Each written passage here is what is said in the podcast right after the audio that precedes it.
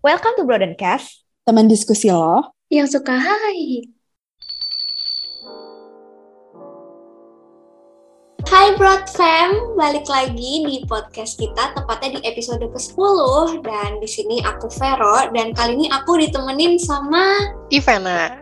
Oke, hai Ivan. Uh, yang kemarin juga sebenarnya pernah jadi guest star tapi sekarang nemenin aku di sini jadi jadi host. Selain Ivana, ada juga nih narasumber kita yang lagi-lagi nggak pernah kaleng-kaleng sih. Nah, Kak Amal, hai Kak Amal. Hai semua. Halo, Halo Kak. Halo, mungkin uh, sebagai permulaan nih Kak Amal bisa kenalin nih mungkin namanya, terus profesinya, terus kesibukannya lagi apa sih sekarang? Boleh dong Kak diceritain ke kita.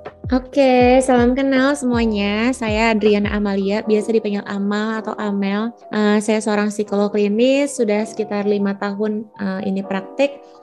Uh, pernah kerja di konsultan uh, psikologi di bagian dev head counseling. Nah sekarang uh, lagi mengelola Asa Berdaya, sebuah social enterprise di bidang kesehatan mental dan pengembangan SDM yang fokusnya itu membangun keamanan psikologis orang-orang untuk bisa berkarya. Nah, kenapa orang berkarya ada keamanan psikologis nih nih ya? Kadang-kadang kita kalau punya mimpi gitu ya, atau disuruh uh, pas sekolah gitu ya, kayak mencapai tujuan tujuan-tujuan, target-target akademis kita, ada sisi lain di uh, secara psikologis kita yang juga mungkin takut karena kayak wah kayak target gue ketinggian deh. Wah kayaknya gue nggak sanggup deh. Jadi uh, asa berdaya ini fokusnya adalah mengintervensi sisi uh, psikologis dari manusia untuk kemudian dia punya keamanan psikologis yang cukup untuk berkarya dan berdaya. Intinya adalah seperti itu. Salam kenal dan uh, sekarang saya selain di asa berdaya uh, sebagai CEO di asa berdaya dan psikolog klinis. Uh, saya juga praktek di Kementerian Perindustrian, di LBH Apik, Yayasan Pulih, uh, di Atma Jaya, dan beberapa startup. Iya, itu aja mungkin perkenalannya. Oke, okay. wah keren banget. Asa Berdaya ya kan, berarti itu kakak sebagai founder kah atau owner atau? Iya, betul. Uh, sekarang di Asa Berdaya sebagai co-founder, ada satu oh. co-founder lagi uh, yang sama-sama juga dari satu alma mater uh, hmm. dengan saya dan sekarang di kantor merintis dan mengelola bersama. Oke, okay. oke, okay. keren banget. Oke, okay. social enterprise. Soalnya, soalnya jarang dengar nih social enterprise. Jadi kayak uh, interesting dan mungkin kita bisa lagi gali-gali juga ya soal biarkan nih soal biar mengembangkan keamanan psikologis nih dan mungkin ada sangkut pautnya nih sama apa yang mau kita bahas hari ini karena mungkin aku dan Ivana sekarang agak-agak tidak aman ya secara psikologis kurang lebih kayak gitu. Nah sekarang ini kita pengen bahas topik yang sebenarnya banyak sih yang bahas tapi kita sendiri ya mungkin aku sama Ivana nih awal-awalnya suka susah nerapinya di kehidupan asli kita. So sering kali tuh kan kita habis kerja atau misalkan ngegarap tugas tugas kuliah deh gitu misalkan sesimpel itu kan suka uh, kecapean, demot atau burnout apalagi kalau event kalau nggak salah juga aktif organisasi nih kan ada kalanya juga mungkin uh, capek gitu. Nah sering kali kita berdua itu suka rehat gitu kan ambil rehat atau mungkin kayak take a break gitu dari kesibukan misalkan kita mungkin event ada yang detox sosmed misalkan aku tidur atau misalkan kalau lagi ada duitnya gitu ya liburan jalan-jalan gitu atau mungkin simple main game banyak deh kegiatannya gitu. Nah tapi begitu kita ditarik lagi nih, uh, udah selesai liburannya, udah selesai jalan-jalannya, kita harus kerja lagi, eh capek lagi gitu kak, kayak uh, bukannya kita makin ke refresh, tapi kita malah capek lagi gitu, kayak dikasih tugas lagi, males lagi gitu. Dan sering kali ya udah capek, kayak nggak semangat gitu. Nah mungkin Ivana nih kayaknya udah paling gemes pengen sharing cerita gimana Fan? Iya, kalau aku sendiri emang apa ya akhir-akhir inilah itu sibuk gitu antara organisasi terus lagi di rumah juga kan jadi bantu-bantuin orang tua. Nah jadi tuh kalau take a break kak dan teman-teman di luar itu aku seringnya tidur tapi kayak pengen tidur yang lama gitu. Nah setelah selesai tidur yang lama tapi hmm, rasanya tuh masih yang kayak capek gitu malah semakin capek tapi aku sempat mikir juga atau ini ada hubungannya sama kualitas tidur gitu. Terus kadang juga aku tuh sering banget kayak nggak langsung bales chat. Dulu tuh aku terkenal banget jadi orang itu yang sangat fast respon gitu. Nah cuman kalau misal aku lagi capek atau stres di um, beberapa waktu ini itu sering banget um, take time buat nggak balas chat orang lagi gitu. Nah terus um, aku mikir aja ini tuh bener nggak ya kayak gitu karena sempat mikir ini avoidance atau emang kayak emang aku butuh take time gitu. Itu sih fair dengan Kak Amal. Alright, mungkin kalau dari Kak Amal gimana nih? Kalau soal kasus Ivana, mungkin sekalian menjawab pertanyaan Ivana tadi juga ya soal nanya ini tuh avoidant atau menghindar gitu nggak sih? Sebenarnya rehat itu menghindar nggak sih? Kurang lebih kayak gitu kak. Iya, pertanyaan sejuta umat ya, geng. Kayak, oh pengen istirahat nih tapi nggak bisa. Atau kayak, aduh ada jadwal istirahat. Istirahatnya nggak recharging, kayak baterai handphone bocor gitu ya. Mau di charge jam kepakainya 15 menit gitu. Nah ini kayaknya makin ke sini ya kalau kulihat kayak makin jadi banyak orang yang punya problem serupa deh kayak apalagi mungkin banyak ya faktornya ya berkaitan sama hal itu pertama uh, lingkungan sosial kita yang berubah banget dari zaman dulu ya. Kayak aktivitas di media sosial tinggi itu juga bikin capek.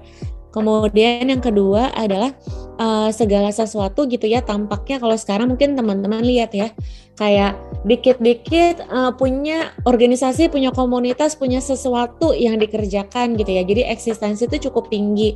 Yang membuat banyak orang juga kelelahan juga dalam nge-reach itu semua. Sehingga tanpa sadar tuh kayak uh, dia nggak sadar bahwa dia capek gitu ya. Ngerasanya kita ke bawah arus ke kehidupan yang serba cepat aja gitu. Jadi emang baterai kita mungkin nggak se seperti dulu ya karena sensori kita uh, indra indra indra kita itu menangkap informasi yang sangat banyak dan sangat cepat terus menerus gitu. Itu ada ngaruhnya juga. Kemudian tadi avoid apa enggak? Ini pertanyaan a little bit tricky kenapa kayak cuma bisa dijawab personal sebenarnya sih tapi kuncinya adalah sebenarnya kalau kita avoid apa beneran rest kalau avoid itu adalah uh, salah satu atau beberapa uh, cirinya adalah satu kita emang enggan mengerjakan apa yang seharusnya menjadi tanggung jawab kita. Kedua, kalau udah istirahat kita masih capek. Ketiga, udah istirahat masih tidak mau mengerjakan lagi dan tidak motiv punya motivasi atau punya rasa enggan ya dalam mengerjakan hal tersebut. Mungkin itu mah udah bisa disebut ya dengan avoid. Tapi juga kalau orang nggak terlalu terbiasa ngukur apakah dia avoid atau rest biasa, emang jadi agak challenging untuk ngeliat ya kira-kira gue avoid atau emang diri gue tuh butuh istirahat yang banyak sih gitu ya. Karena kan istirahat tuh nggak cuman tidur gitu. Apalagi sekarang orang ngiranya istirahat tuh udah cuman tidur doang ya. Padahal ada namanya 10 types of rest di mana tipenya tuh banyak banget nggak cuma tidur atau fisik doang. Gitu jadi ya itu sih emang avoid avoidan uh, berkaitan sama tadi juga kali ya eksistensi tanggung jawab pros di mana kita tetap pengen function. Kalau zaman sekarang nggak function itu kayak memalukan banget gitu ya. Jadi mau nggak mau kita pacu eh kita nggak sadar diri ternyata kita udah capek dan butuh istirahat Uh, Oke, okay, gimana, Fen? Nah nih. Aduh, rebutan, rebutan. gimana? Menarik nih, Kak. Okay. Tadi tuh di sentence Kak Amal terakhir tuh kayak bilang, sebenarnya kita tuh perlu istirahat nih. Cuman kadang tuh kayak antara kita tuh emang eh udah capek sih cuman tuh nggak ada waktunya buat istirahat karena saking sibuknya ataupun misal udah ngambil take a rest cuman tuh kayak masih eh bukan masih sih kayak aduh kok tadi gue take a rest ya harusnya kan gue ngerjain ini jadi malah ngerasa bersalah gitu kak Iya iya iya iya iya paham banget. Tapi gini loh kayak nggak ada satu istilah pun yang kayak gue nggak ada waktu istirahat. Main orang zaman dulu tuh waktu istirahat lebih banyak kali dari kerja. Ya itu lebih ke ini sih menurutku karena tadi pengaruh budaya gitu ya. Kemudian membuat kita menggeser kurva normal versi kita untuk eksis ke arah yang harus hasil basel banget, harus eksistensinya tinggi harus kelihatan ngerjain sesuatu gitu. Padahal kayak gabut itu nggak salah gitu. Mau gabut seminggu kalau nggak ngerepotin orang atau diri sendiri ya nggak ada tanggung jawab yang tinggal juga nggak apa-apa gitu. Tapi kayak seolah-olah ritme uh, kehidupan itu bergerak dengan cepat sehingga ketika kita bertindak untuk istirahat, justru kita yang ngerasa kita yang bersalah. Itu padahal mungkin orang-orang yang memacu dirinya over banget yang harusnya merasakan perasaan kita ya kayak kok gue nggak normal sih, kok gue kerja terus, kok gue nggak ada istirahatnya ya gitu. Ini kebalik, malah istirahat yang bertanya-tanya gue salah nggak ya gue istirahat gitu ya. Padahal jam istirahat juga mungkin kalau teman-teman tahu secara biologis atau fisik ya jam istirahat ya udah ada jamnya juga gitu jam 10 malam sampai 5 pagi gitu ya yang di mana uh, tubuh kita akan beristirahat. Kemudian secara psikologis uh, otak kita akan merestore memori-memori buruk uh, memori-memori baik ya dan juga membuang memori buruk gitu. Hal-hal itu yang terjadi ketika kita istirahat yang justru tidak banyak diambil oleh orang-orang yang ngerasa nggak cukup waktu cuy buat istirahat gitu. Duh kalau gue istirahat aneh banget gitu ya. Dan kayak ini kayak sama kayak apa ya? Kayak kalau kita punya mobil bagus gitu ya tapi mobilnya overheat alias nggak bisa function kemudian jalan juga nggak uh, pada tempatnya gitu ya kan juga nggak akan bisa berfungsi dengan optimal. Mendingan beli mobil yang biasa-biasa aja daripada mobil sport tapi kemudian overheat terus gitu Nah sekarang kayaknya fenomena yang kelihatan adalah lebih banyak uh, lebih banyak gue mobilnya bagus mau gue overheat ya udah deh uh, gue tanggungannya sendiri sampai malam-malam gitu ya. Iya iya iya kayak gitu. Jadi kayak tiap pagi tiap malam anxiety terus kan kayak ngapain? Iya iya benar sih kak. Tapi mungkin ini aku sudah pernah nanya sempat nanya aku di uh, beberapa uh, di podcast podcast sebelumnya tapi aku pengen tahu nih kalau dari Kak Amal. Kapan sih kita tahu kalau misalkan kita itu butuh rehat gitu? Sebenarnya kapan gitu? Kayak kan bisa aja kan kayak uh, mungkin sebenarnya kita nggak butuh-butuh banget cuman kita kayak bikin justifikasi gitu kayak ah pengen rehat nih udah capek gue. Padahal sebenarnya cuman kayak baru ngerjain satu paragraf misalkan. Kita deh kayak aduh gue udah nggak kuat gue butuh gue butuh healing gue butuh refreshing gue butuh take a break gitu udah nggak kuat gitu. Atau mungkin kita udah yang kayak tadi yang Kak Amal bilang tuh kan kita sebenarnya udah macu diri kita kita butuh istirahat tapi kita nggak kunjung istirahat. Jadi sebenarnya di titik mana sih kita bisa kan meskipun mungkin setiap orang beda-beda kan tapi ada nggak sih kayak uh, satu titik atau satu kejadian atau satu pertanda gitu yang bikin kita kayak wah ini bener sih kalau gue kayaknya gue harus rest sekarang karena gue udah begini gitu. Nah begini itu ada nggak kak indikatornya gitu untuk setiap orang? Oke oke. Nah berkaitan sama indikator gini teman-teman. Kayak kadang-kadang ya aku pikir kayak kita tuh selalu hampir selalu bilang butuh istirahat ketika kita udah ngerasa capek. Padahal istirahat itu bukan disisain, tapi dijadwalin. Ketika kita jadwalin istirahat, kita akan punya manajemen energi yang lebih baik. Tapi ketika kita cuma nyisain istirahat, maka dari sisa itu uh, kita bisa lihat ya pola-pola istirahat kita gitu. Mungkin kita nggak nggak pernah bangun pagi beraktivitas dengan fully recharge, jangan-jangan ya. Kebanyakan mungkin kayak baterai kayak handphone lah ya baterainya cuma 30-40% kita pakai uh, berkegiatan lagi. Besok tambah lagi gitu ya. Tidur bentar gitu bangun cuma 30% pakai lagi gitu. Sebenarnya nggak pernah penuh. Nah ketika nggak pernah penuh uh, kayak handphone juga ya mungkin dia bisa overheat juga gitu. Kayak alat-alat teknologi lah ya kalau dipakainya nggak maksimal bisa overheat atau rusak atau panas dan lain sebagainya. Nah ini yang kadang-kadang kita sadari sebagai oh ini waktunya gue istirahat gitu. Padahal menurutku nggak tepat ya manajemen energi yang seperti itu gitu. Manajemen energi yang baik adalah menjadwalkan waktu istirahat sehingga ketika kita harus bekerja, kita bekerja dengan kondisi yang optimal. Tapi kadang-kadang salah kaprah kalau gue punya waktu 24 jam, ya gue kerjain itu supaya optimal. Padahal kalau badan gak istirahat yang cukup, mau ngerjain 24 jam terus kita nggak akan menghasilkan banyak hal. Karena badan kita nggak lagi dalam kondisi optimal untuk memproduksi sesuatu apalagi yang sifatnya mengeluarkan energi ya. Mikir beraktivitas kerja berkarya itu kan keluar energi semua. Itu jadi kadang-kadang ada ada unsur so, so hebatnya juga nih ya hero-hero juga nih kayak ya gue masih bisa lah yaudah pacu aja gitu. Sehingga istirahat jadi nomor kesekian gitu jadi kalau ditanya tentang ukurannya sebenarnya personal banget ukurannya.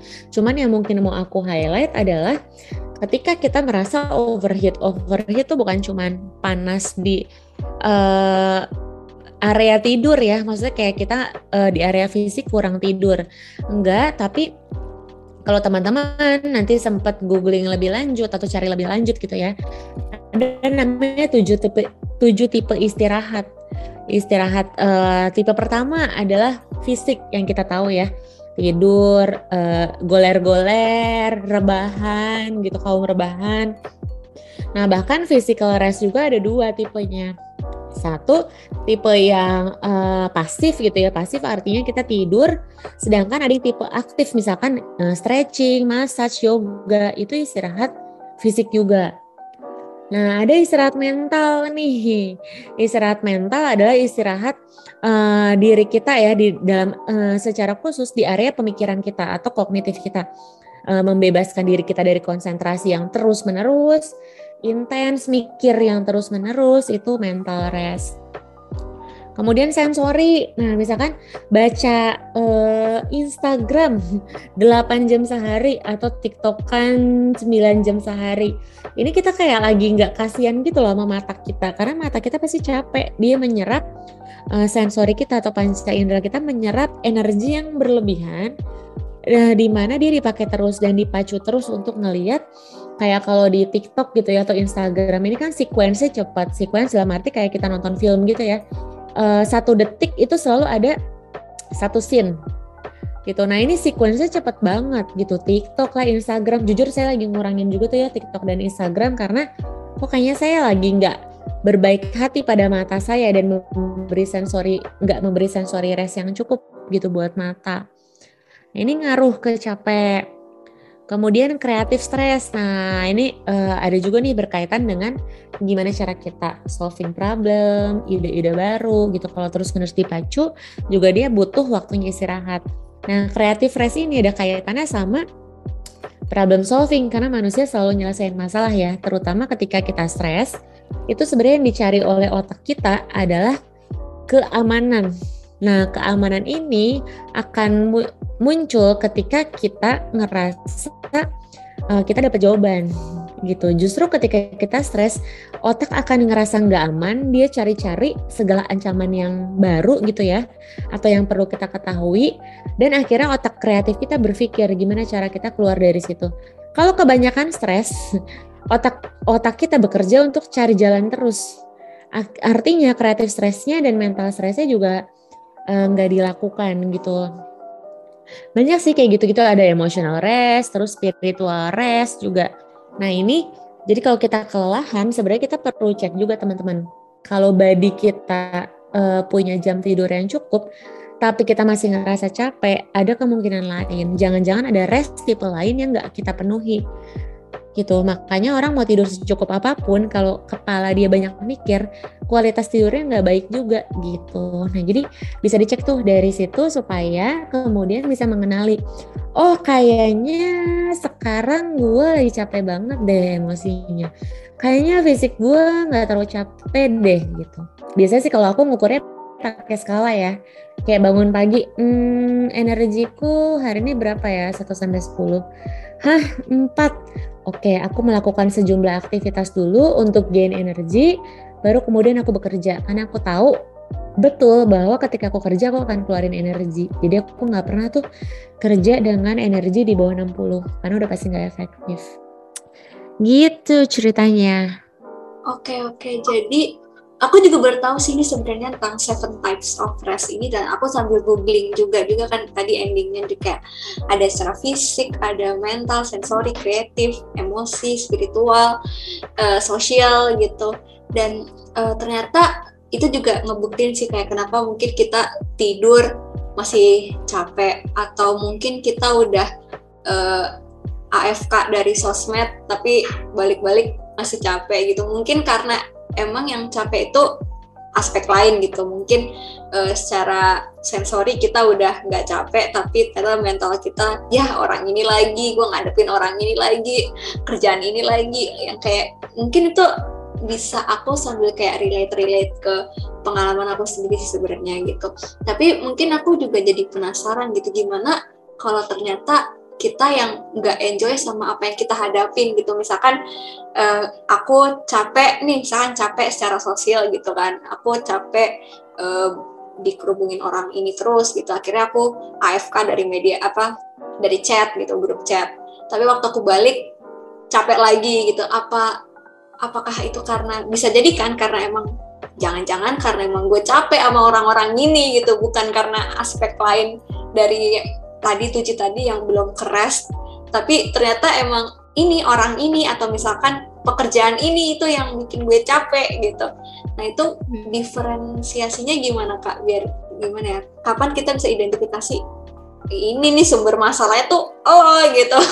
Sumber masalah itu adalah tas kita atau uh, responsibility kita gitu. Dan kalaupun ternyata itu yang kita hadapin cara dealnya gimana? Karena kita kan nggak mungkin avoid kan tadi yang kakak bilang kita nggak mungkin menghindari masalah gitu kita harus selesaikan. Nah mungkin ada penyelesaian yang oke okay, nggak gitu? Oke okay. iya. Ya ini sebenarnya berkaitan sama self awareness sih teman-teman. Kalau kita nggak pernah aware uh, gain sama pain energi kita gitu ya atau uh, tarik menarik energi kita transaksi energi kita ke lingkungan sekitar kita itu agak bahaya sih. Karena kita nggak bisa mengidentifikasi ya seberapa sebenarnya seseorang atau sesuatu tuh menyerap energi kita gitu. Contoh sederhana.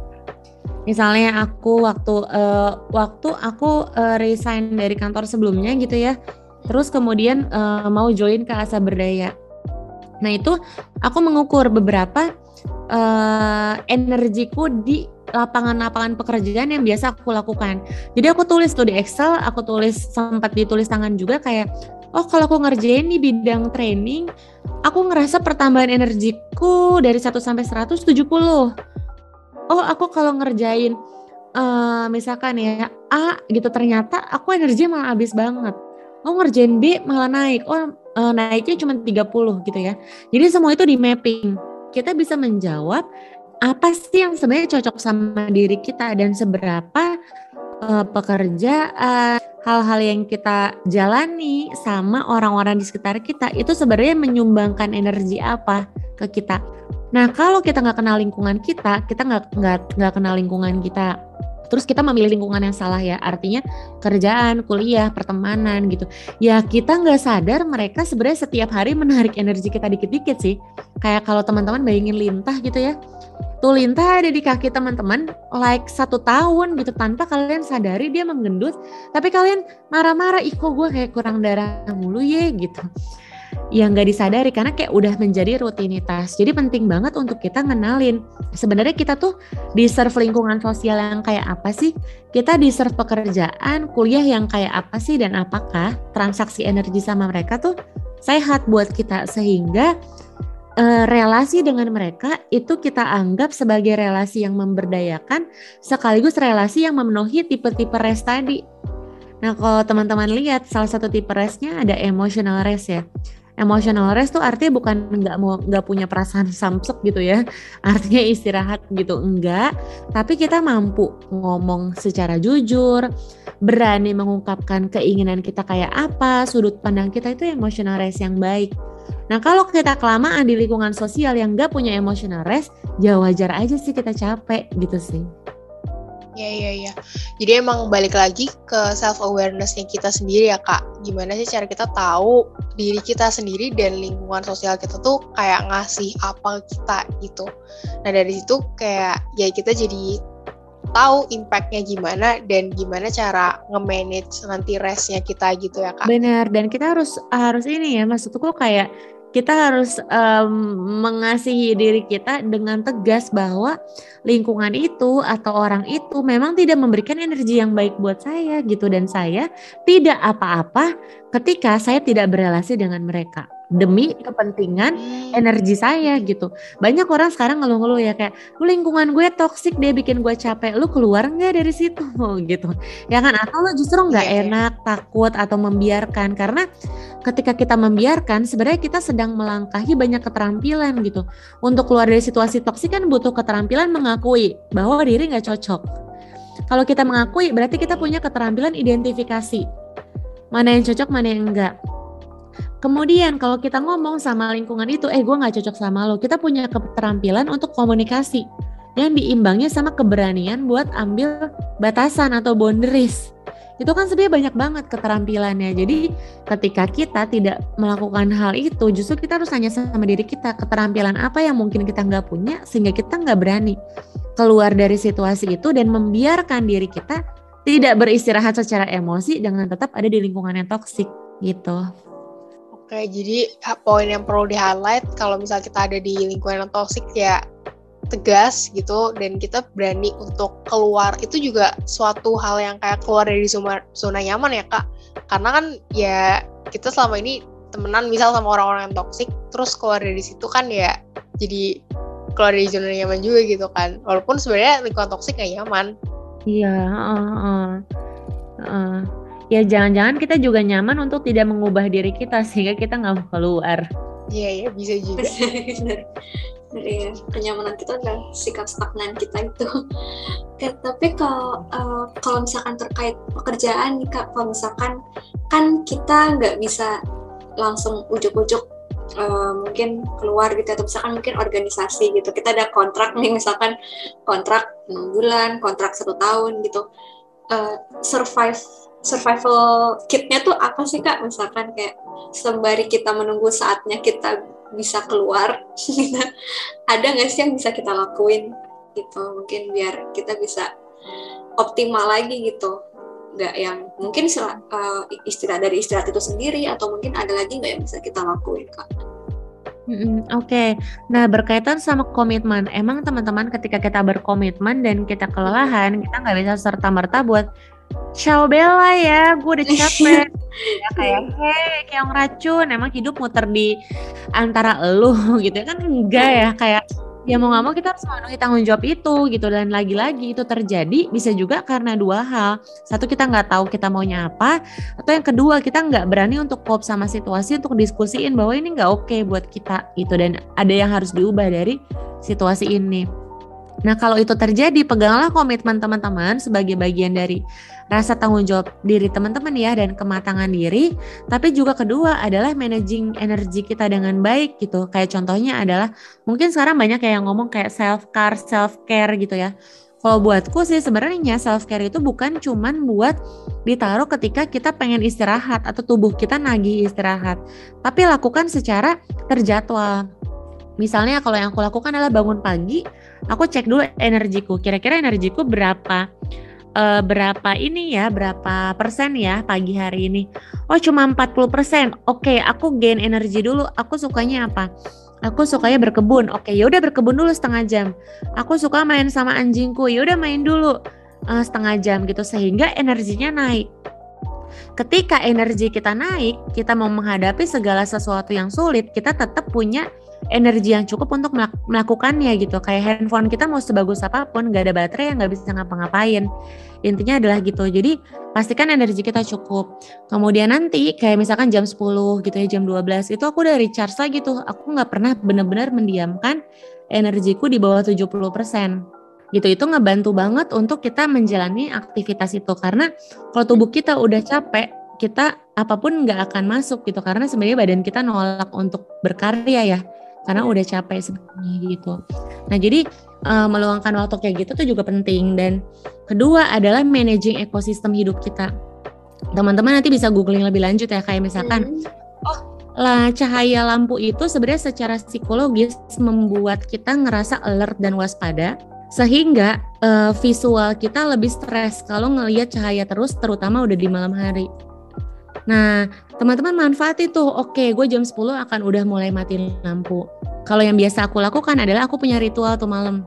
Kalau udah jam 8 malam gitu ya, aku udah uh, masih tetap beraktivitas gitu menjelang jam 9, itu handphoneku auto black and white. Ketika black and white, aku gak punya keinginan buat lihat dan mataku istirahat dari warna. Ketika oh. mata gue istirahat dari warna, dia nggak akan kepengen buka Instagram malam-malam karena nggak menarik banget liatin hidup orang hitam putih. nah, dia akan mulai belajar bahwa ini waktunya gue istirahat. Nah, kemudian kayak contohnya sensori kita tuh peka banget terhadap uh, suhu air. Nah, aku nggak pernah mandi air uh, panas itu di pagi hari. Kenapa? Ketika aku mandi air dingin, tubuhku akan siap untuk beraktivitas. Karena sebenarnya air dingin itu memacu kita untuk lebih uh, alert ya, untuk waspada dan siap untuk kerja gitu atau beraktivitas. Sedangkan air panas tuh fungsinya adalah relaxing. Jadi relaxing ya mandinya di malam supaya tubuh kita belajar, oh ini udah waktunya istirahat, bukan ngapa-ngapain lagi gitu. Kemudian misalkan matiin tuh eh, entah airplane mode atau bikin screen time atau kemudian uh, yang lagi aku coba adalah uh, perpaduan ya antara ketika lagi susah tidur misalkan oh pakai wangi-wangian tertentu gitu ya. Kenapa? Karena wangi-wangian cepet banget tuh masuk ke otak yang akhirnya bisa membantu kita lebih rileks. Nah, gunakan ekosistem itu buat istirahat gitu. Karena yang penting adalah ekosistem itu gitu. Kenapa teman-teman kalau di hotel gitu ya kadang lebih suka ngantuk gitu. Ya karena nyaman kan. Nah bangun kenyamanan ekosistem itu untuk di rumah teman-teman gitu. Jadi kayak di kasur itu aku nggak pernah ya mikir atau uh, ngerjain sesuatu. Karena aku mendisiplinkan tubuhku untuk istirahat hanya di kasur. Jadi kalau di kasur aku mikir kerjaan atau kepikiran sesuatu aku bangun terus aku duduk di kursi. Duduk yuk pikirin dulu yuk. Lo nggak boleh mikir di kasur. Kasur tuh buat tidur. Kalau lo mau mikir lo duduk dulu di kursi. Sampai selesai mikir baru tidur. Nah akhirnya seluruh fungsi di dalam kamar kita punya tujuannya. Kasur ya buat tidur. Gitu. tempat duduk ya buat kerja. Kalau lo pengen overthinking pakai aja corner sendiri. Duduk duduk duduk corner itu. Akhirnya secara demografis tubuh kita belajar memasteri diri kita gitu. Kayak oh ada tempat untuk sesuatu ada tujuan untuk sesuatu. Lama-lama uh, kapasitas stres teman-teman juga akan terbangun ya. Lama-lama di kasur yang ngantuk. Dulu kan di kasur overthinking scroll scroll aku nggak pernah iya, di kasur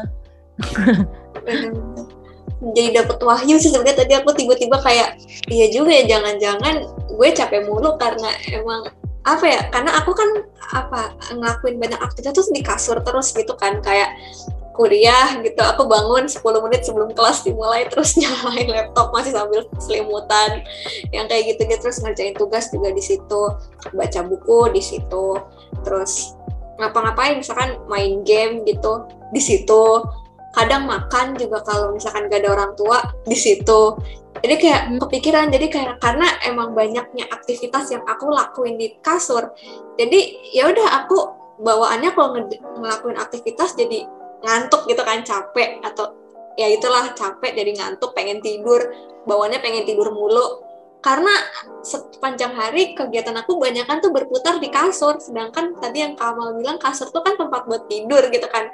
Ya sewajarnya kan gitu ya. Emang tujuannya dibikin kasur kan buat tempat tidur. Dan ternyata aku manfaatin itu buat ngelakuin banyak kegiatan di keseharian aku. Jadi no wonder dong logikanya kalau misalkan aku ngapa-ngapain dikit-dikit ngantuk dikit-dikit ngantuk. Aku baru dapet oh iya juga ya harusnya nggak gitu gitu tapi iya atau jadi atau jadi otak kita akhirnya belajar kasur itu tempat produktif. Jadi kalau kamu susah tidur oh. ya uh, iya bener banget aku juga susah tidur juga kayak eh, bener banget. Iya sih karena aku juga di kasur gitu ya nunggu tidur tuh nonton ngeliatin HP gitu nonton YouTube gitu ngeliatin apa gitu TikTok gitu misalkan kayak ya juga ya pantesan kayak batas antara istirahat dan produktif aku tuh kayak blur fake kayak nggak ada batasnya pantesan aku ngapa-ngapain dikit-dikit capek dan aku pengen tidur malah nggak bisa jadi capek lagi siklusnya berulang terus baru dapat ya, sih. Ya. Sama kayak info yang tadi aku sampaikan di awal bahwa uh, eksis keinginan untuk eksistensi yang tinggi akan hmm. memacu kita untuk merasa harus hasil basel sehingga semua tempat kita hasil baselin ke kafe kerja ke di kasur kerja atau uh, baca-baca apa gitu ya. Kayak semua tempat kita hasil baselin sekarang iya. teman-teman bayangin aja seluruh tempat itu kita tandai untuk kita tetap sibuk. Ya otak kita akan bingung tempat istirahat di mana. Nggak ada. Ya memang nggak ada karena kita tidak membiasakan satu tempat beristirahat ya otak kita akan record itu bahwa semua tempat lu jangan istirahat. Kan lu mental gue semua tempat gue harus produktif dan berkarya gitu. Ketika teman-teman sulit menemukan waktu istirahat ya jelas aja gitu. Otak kita lagi dalam keadaan bingung. Mana sih batasan-batasan yang seharusnya gue perlukan? Gue kerja atau gue tidur atau gue ngapain nih gitu. Secara nggak sadar dia merecord kan ya. Selama nih kayak teman-teman kayak apa ya kayak misalkan kalian pernah punya mantan pacar yang punya parfum tertentu gitu ya. Tiap nyium parfum itu gitu kayak asosiasi kita kan bermain ya kayak yeah. wah jadi inget nih langsung kena kepikiran gitu ya. Sama kan dia akan mengasosiasikan sebuah tempat sebagai uh, peruntukan tertentu. Ya kalau teman-teman kerja di kasur maka dia mengasosiasikan kasur harus selalu produktif. Jadi ketika lo tidur dia ngerasa nggak cocok dia ngerasa lo harus mikir. Akhirnya kita merem sambil mikir. Cukup kegambar sih kak. Maksudnya kayak aku aku aku sendiri sih aku nggak tahu ya kalau Ivana gimana. Maksudnya kalau aku kepikiran kayak sebenarnya sumber capek aku sendiri tuh ya itu tadi sebenarnya sih aku relate sama yang kayak hustle culture. Tapi lucunya kalau misalkan Kamal bilang ini tuh budaya dari Gen Z, millennials gitu, aku ngerasa ini juga dari orang tua aku gitu ya. Kadang kayak aku rebahan dikit, kok nggak nyuci? Kok nggak nyuci piring nggak nyuci baju? Kok nyapu kamar dong bersih bersih gitu. Ini kadang hustling itu tuh asalnya dari orang tua ya. Bahkan kan mungkin kalau orang tua aku mungkin gen X gitu ya maksudnya udah umur 50-an gitu. Ya gitu yang kayak bahkan itu tumbuh dari kita kecil gitu kak. Jadi bahkan kadang tidak terhindarkan gitu bukan yang kayak dari society di luar apa budaya anak muda gitu bahkan dari orang tua aku sendiri juga kayak gitu gitu kayak hmm, tipe-tipe hmm, kita eh. menginternalisasi itu sebagai kebiasaan rest dan kebiasaan hasil kita padahal mah itu hmm. itu mah mereka aja gitu karena akhirnya kita nggak enak kita merasa anak kita merasa takut akhirnya kita mengadopsi versi yeah. hasil mereka padahal kita nggak pengen gitu yeah. ini kan sebenarnya bagian dari self aware juga ya kita nggak tahu hmm. sebenarnya kita tuh balance di kondisi apa sih istirahat dan sehasil apa sih yang kita balance? Karena kita mengikuti aturan hasil dan rest dari orang lain gitu. Which is kita jadi nggak kenal. Diri kita tuh butuhnya restnya kapan gitu. Rest jadi salah asosiasi istirahat nggak tepat gitu ya. Hmm. terus kok kayak gitu apalagi kan kalau kalau misalkan melawan standar orang lain gitu society mungkin bisa lah gitu belajar itu. Tapi kalau misalnya dari orang tua sendiri kan susah ya kak ya. Kayak misalkan disuruh bu kamu apa bersih bersih kamar kamu? Ah enggak. Uh, lagi pengen refreshing gitu kan. Udah capek ngerjain tugas mulu. Wah apa yang gak dilempar sendal? gitu kan kak. Kayak gimana hmm. gitu. Kadang suka dilemanya di situ sih kak kalau dari aku. Hmm. Kalau dariku sebenarnya sih gini ketika kita langsung nolak ya biasanya orang lain yang punya belief berbeda. Akan punya kecenderungan me mengagainst kita gitu ya atau defense gitu. Nah, yang paling baik sebenarnya adalah menimbulkan evidence gitu kayak aku bukan tipe yang berkonflik tapi aku akan memberikan evidence kenapa positioningku di sini gitu. Contoh misalkan orang tua aku juga selalu gitu ya kayak uh, tiduran aja uh, itu tuh di bawah masih ada ini tuh gitu ya. Padahal kita hey saya baru aja rebahan gitu. Nah uh, untuk case-case kayak gini kita bisa uh, nah inilah kenapa pentingnya keterampilan ngomong, keterampilan courage gitu ya, keterampilan hmm. untuk menginformasikan dengan sistematis. Nah, yang biasa aku lakukan adalah, "Mah, tadi aku jam 9 sampai jam 3 itu kerja, uh, kemudian aku cuma makan setengah jam, kemudian jam 4 sampai jam segitu jam uh, jam 4 sampai jam 6 aku uh, webinar misalnya. Aku sekarang butuh istirahat dulu kurang lebih sejam. Gitu. Nah, itu jadi akan terasa make sense di mereka dan tidak membuat orang tua ngerasanya lu nggak dengerin gue gitu. Gue dengerin lu, tapi gue menyatakan bahwa dari sekian kesibukan gue, gue butuh rest satu jam. Tapi pekerjaan yang lo sampaikan akan gue kerjakan ketika gue udah rest. Gitu. Jadi akan terdengar lebih masuk akal. Kenapa keterampilan komunikasi itu juga penting untuk meningkatkan mental health ya sebenarnya. Karena kalau komunikasi yang nggak tepat, orang tua pasti akan ya Ella membangkang banget anak gua gitu ya.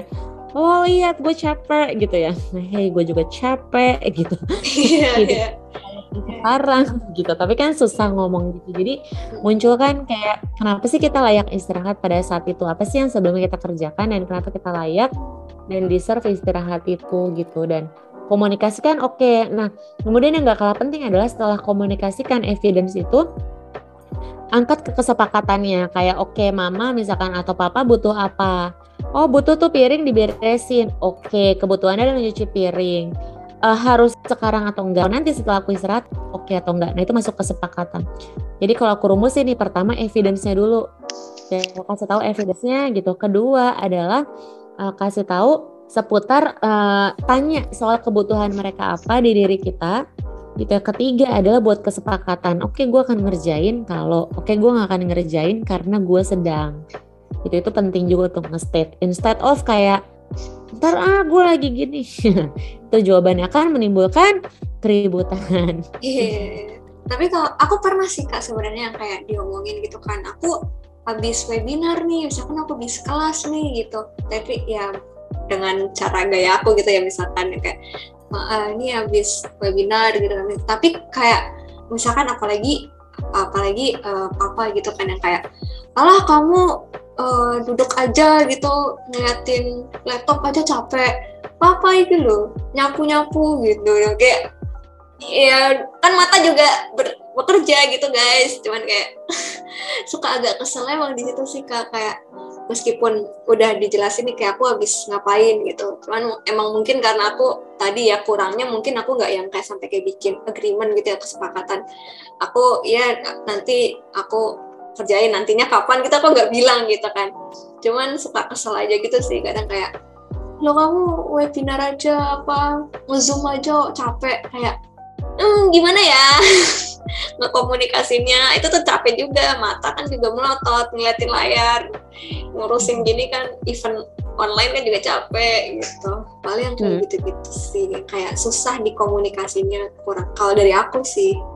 Iya iya memang uh, butuh waktu ya ke perbedaan-perbedaan itu karena ya kehidupannya beda-beda ya dan iya. aktivitas beda banget sehingga nggak nggak menyadari gitu Nah kadang-kadang sih kalau bahasa bahasa yang kurang uh, oke-nya gitu ya, mm-hmm. biasa aku kayak ke orang tua, uh, mama, papa baca buku, kalau baca bukunya 8 jam capek nggak? Ya capek sih ya sama. Aku kan kerjanya juga depan laptop. Jadi aku kayak itu tuh equal tuh apa nih ke mereka? gitu ya, bukan hmm. untuk uh, menolak tapi nih loh ada perbandingan lebih apple to apple juga gitu. Bisa nih bisa. Triknya nanti dipakai. Thank you banget aku bakal manggil nih. Thank you banget kak. Btw aku beneran tadi dapet inspirasi buat defense cara yang lain. Oke. Okay. mungkin uh, sekaligus ngerangkum ya dari uh, bahas tentang topik uh, break break gini kalau mungkin dari event sendiri ada nggak nih yang pengen tanya ini sebelum sebelum gue tutup gitu pengen ceritanya? Enggak sih sebenarnya cuman mungkin tadi yang topik yang barusan kita bilang yang mungkin bikin kesepakatan sama orang tua kayaknya juga perlu bicara asertif deh. Iya pasti ya yeah. pasti sih ya pasti ya kayak susah juga gak sih tapi maksudnya kayak perbedaan generasi itu kan asertif buat kita belum tentu bukannya enggak ya belum tentu juga nggak sih uh, asertif buat mereka gitu. Nggak tahu sih kayak gue merasa gue ngomongnya kayak baik-baik aja gitu kan. Cuman tetap aja gitu dibandingin lah yang kayak tadi kan. Ini kayak case kayak case kalau orang kena gangguan kesehatan mental kan tuh rebahannya capek gitu kan iya iya kayak banyak aktivitas fisik akan dimaknai sebagai lebih lelah daripada yang diam aja gitu. Iya. kadang aku juga suka iseng gitu sih oke coba yuk kita tukeran gitu kayak mami coba deh webinar dua jam in a row seharian kalau nggak berapa kali gitu. Kayak lebih ke di amountnya sih kayak ya itu nyapu kalau nyapunya empat jam juga capek kali. Kami mawon udah putus kan akhirnya udah putus rasanya mau putus satu kabupaten iya ya. event juga ngerasain gak sih lo yang kayak suka disuruh-suruh gitu padahal lagi ngapain Iya sering banget. Tapi kan? mereka sekarang udah apa ya cukup mengerti gitu dibandingkan hmm. dulu-dulu. Hmm ya karena mau nggak mau nggak sih kayak pasti mereka nanti juga ngerasain kayak yang apa-apa zoom lah apa-apa misalkan ibadah zoom gitu mm-hmm. pasti ngerasain lah oke berarti ini sebenarnya udah cukup apa ya ngerangkum sih maksudnya dari permasalahan kita tadi kan yang kayak kita burn out meskipun kita udah istirahat gitu ya. Mungkin sebenarnya istirahatnya tidur doang atau mungkin istirahatnya main game doang gitu. Mungkin perkaranya adalah yang capek itu apa gitu kan. Apakah mata kita apakah suara kita apakah badan kita ataukah cuma kognitif kita kita capek mikir gitu. Jadi kalau misalkan meskipun kita capek mikir tapi kalau misalkan mata kita nggak capek ya kita refreshingnya mungkin ngeliatin HP doang juga bisa gitu. Yang scroll TikTok kan uh, fungsi kognitifnya nggak terlalu dipakai gitu. Nah mungkin kebalikannya juga misalkan kita capek mata kita gitu kan. Jadi kita butuh break yang beneran nggak ngeliat elektronik gitu kan blue light gitu. Nah itu mungkin bisa ngejawab kenapa kayak kita udah istirahat tapi masih tetap capek. Mungkin aspek-aspek yang butuh diistirahatin tuh beda-beda gitu kan. Nah tapi mungkin kalau misalnya kita balik tetap selain capek juga ngerasa burnout nih, mungkin uh, bisa jadi karena mungkin kita emang gak nyaman juga sama pekerjaan kita gitu.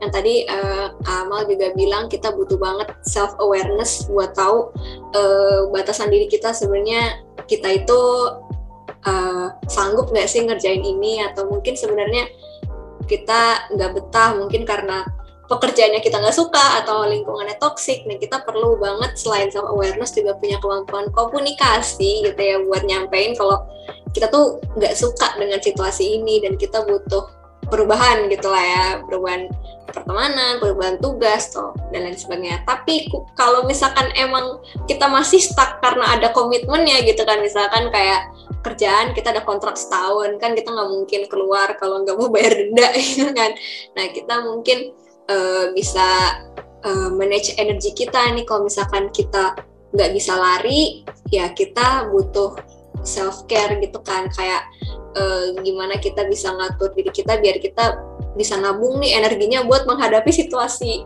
uh, toxic yang belum bisa kita uh, keluar dari situ sampai mungkin berapa bulan lagi gitu ya. Hopefully bisa kelak bisa terhindarkan gitu ya. Tapi mungkin untuk survival kitnya kita bisa dari ngerawat diri kita dulu biar dari dalam lah kita punya senjata amunisi untuk menghadapi dunia yang penuh huru hara. Kurang lebih kayak gitu.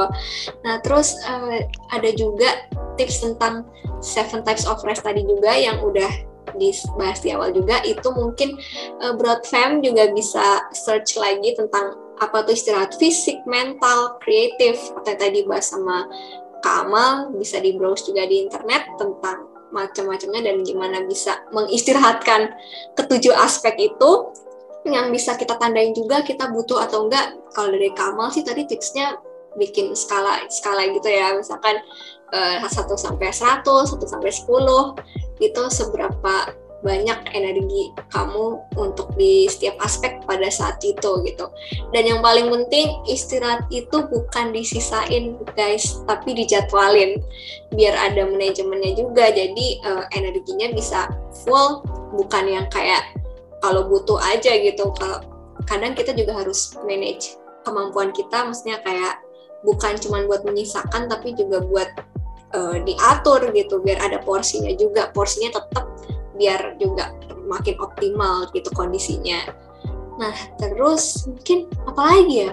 Mungkin uh, masih banyak sih tadi poin-poin pembicaraannya yang tentang apalagi uh, kalau kita butuh rehat gitu kalau biar kita nggak ngerasa guilty juga gimana itu tadi sih pentingnya buat uh, menjadwalkan bukannya menyisakan. Karena kalau misalkan kita cuma sisain doang juga kadang-kadang nggak disiplin juga nggak sih? Kayak lebih ke ya udah kalau ada waktu istirahat. Karena sebenarnya dalam satu hari itu mungkin kita butuh porsi istirahat berapa jam. Kayak tidur aja mungkin gitu. Kita harus ada waktunya gitu buat tidur uh, dari yang apa yang aku sampaikan tadi ada yang kurang-kurang gak nih Kamal atau ada tambahan nih yang mau disampaikan Kamal buat sebelum mengakhiri perbincangan kita pada hari ini?